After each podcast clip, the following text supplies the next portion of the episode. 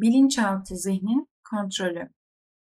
Zihnin bilinçli ve bilinçaltı düzeylerini ayırmak zor olacaktır.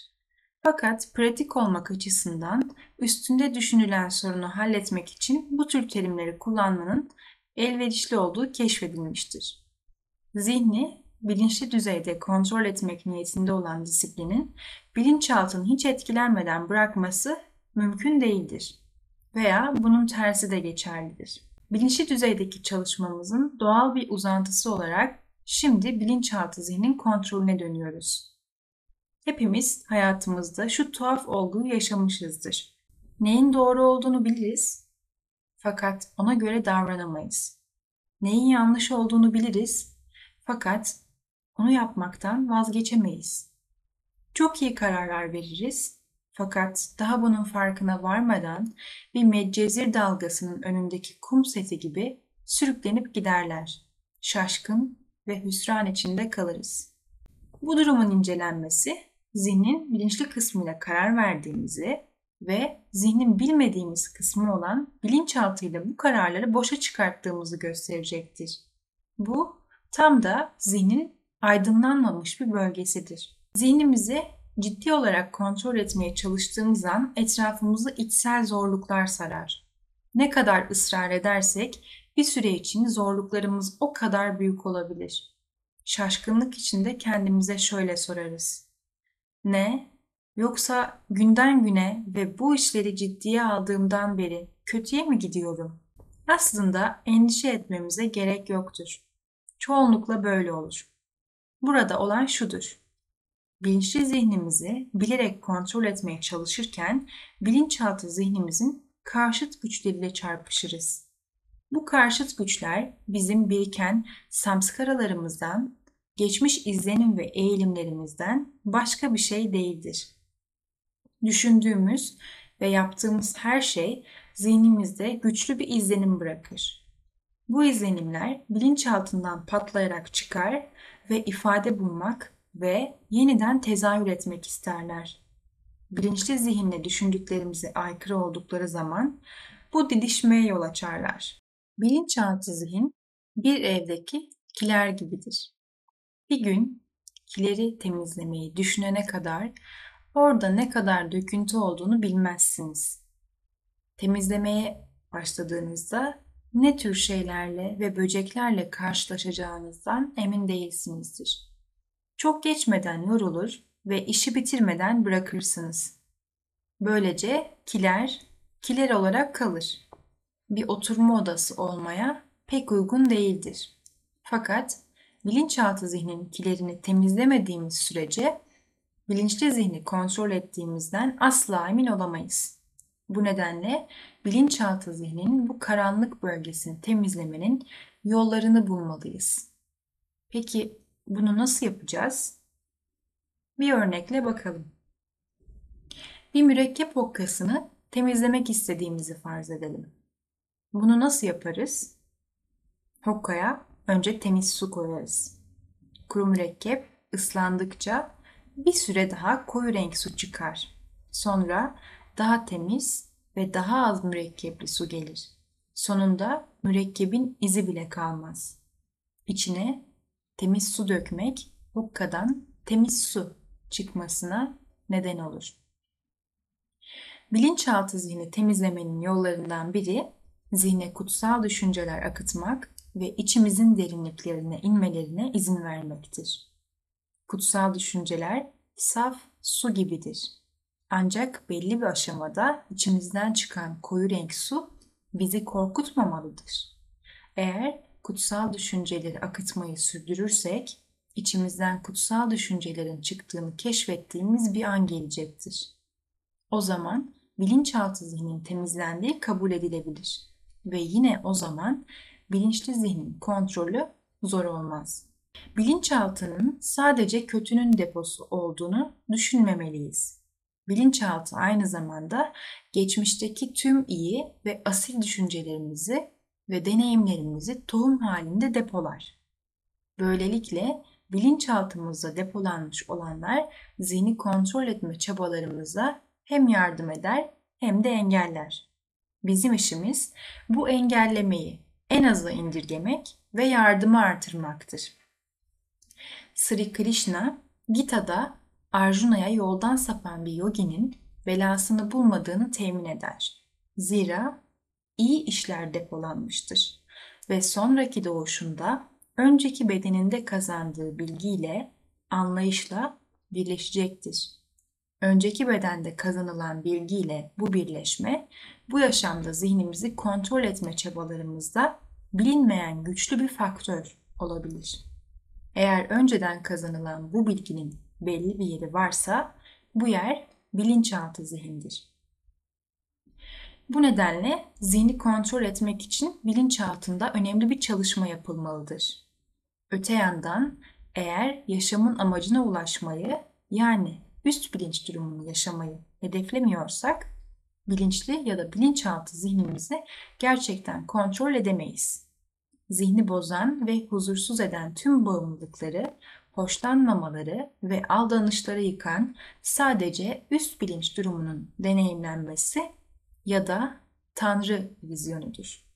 Bu sebepten zihni kontrol etme çabalarımız bir yandan bilinçaltı zihne, diğer yandan da üst bilince yönelik olmalıdır. Diğer bir deyişle tüm varlığımız zihni kontrol etme sürecine girer. Swami Vivekananda zihni kontrol etme işinin büyüklüğünü vurgulayarak çalışma ve çabalarımızın neden bilinçli alanla sınırlı kalamayacağını açıklar. Önümüzdeki görev çok büyük. Öncelikle içimizde otomatik hale gelen bu derinlere batmış engin düşünceler kitlesini kontrol etmeliyiz. Kötü edimler hiç kuşkusuz bilinçli alandadır. Fakat kötü edimi ortaya çıkaran neden bilinçsiz, görünmeyen ve bu nedenle çok daha güçlü alanlarda yatar. Bu nedenle Vivekananda itiraz kabul etmeyen nedenler yüzünden bilinçaltını kontrol etmenin önemini vurgulamaya şöyle devam eder. Pratik psikoloji tüm enerjisini her şeyden önce bilinçaltını kontrol etmeye yöneltir ve biz bunu yapabileceğimizi biliriz. Neden? Çünkü bilinçaltının nedeninin bilinç olduğunu biliriz. Bilinçsiz düşünceler derine gömülü milyonlarca eski bilinçli düşüncelerimizdir. Eski bilinçli edimler taşlaşmıştır. Onlara bakmayız, onları tanımayız, onları unuturuz.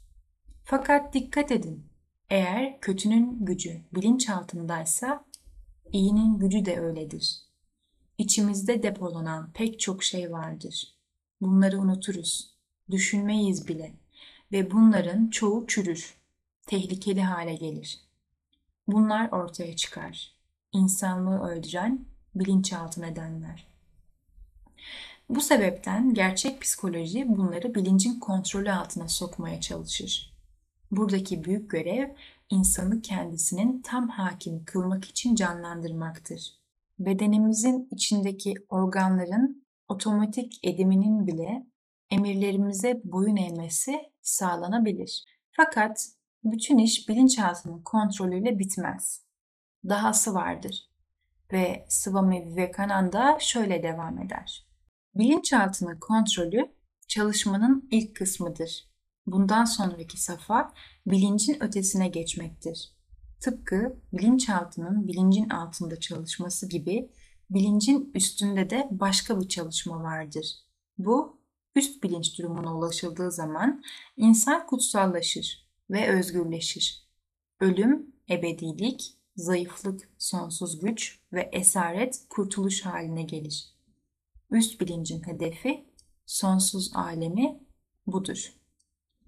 Bu nedenle iki misli bir çalışma olması gerektiğini anlıyoruz. İlkin var olan iki olağan akım olan İda ve Pingala'nın doğru çalışması aracılığıyla bilinçaltı edimi kontrol etmek ve ikinci olarak bilincin bile ötesine geçmek.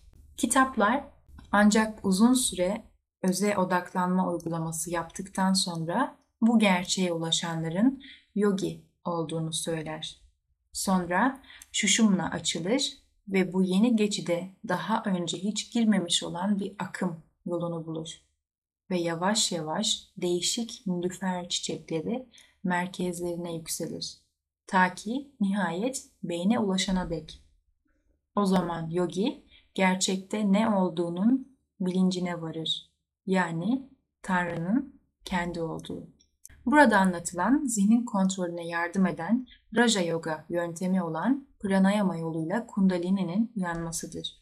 Pranayama daha önce de bahsettiğimiz gibi bulunması pek zor olan bir öğretmenden kişisel olarak öğrenilmelidir. Ölçülü ve ciddi olanlar ve böyle bir öğretmen bulacak kadar talihli olanlar ondan öğrenebilirler. Ve böylece işleri daha da kolaylaşır.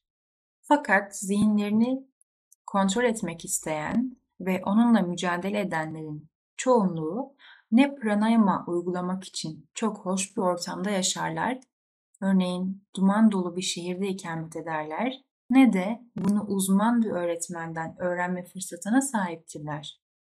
Bu nedenle çoğu insanın inanç ve gayretle uygulandığında aynı derecede etkili olabilecek başka sistemlere dayanması gerekir. Bu uygulamaların içinde en etkilisi OM hecesini anlamı üstüne meditasyon yaparak tekrarlamaktır. Kundalini, görünmeyen ruhsal güç, bir insanda uyandığı zaman idaresi güç olan bilinçaltı zihnin kontrolü ele geçer. Fakat Raja Yoga yoluyla Kundalini'yi uyandırmayı çoğu insan gerçekleştiremez. Neyse ki kişinin ruhsal bilincinin uyandırılabileceği başka uygulamalar da vardır. Sri Ramakrishna şöyle öğretir. İnsanın ruhsal bilinci sadece kitaplar okuyarak uyanmaz. Kişi Tanrı'ya dua da etmelidir. Kişinin Tanrı'ya ulaşma arzusu yüksekse kundalini uyanır. Kişi bhakti yolunu izlerse kundalini hızla uyanır. Bir gün bir öğrencisi Swami Brahmananda'ya şöyle sorar. Efendim, kundalini nasıl uyandırılabilir?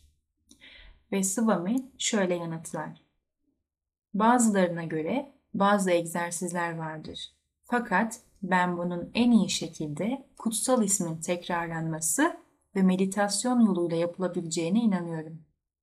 Çağımıza en uygunu Japam uygulaması ya da Tanrı'nın ismini sürekli tekrarlamak ve bunun üzerine meditasyon yapmaktır. Bundan daha kolay bir ruhsal çalışma yoktur. Fakat meditasyona mantra eşlik etmelidir.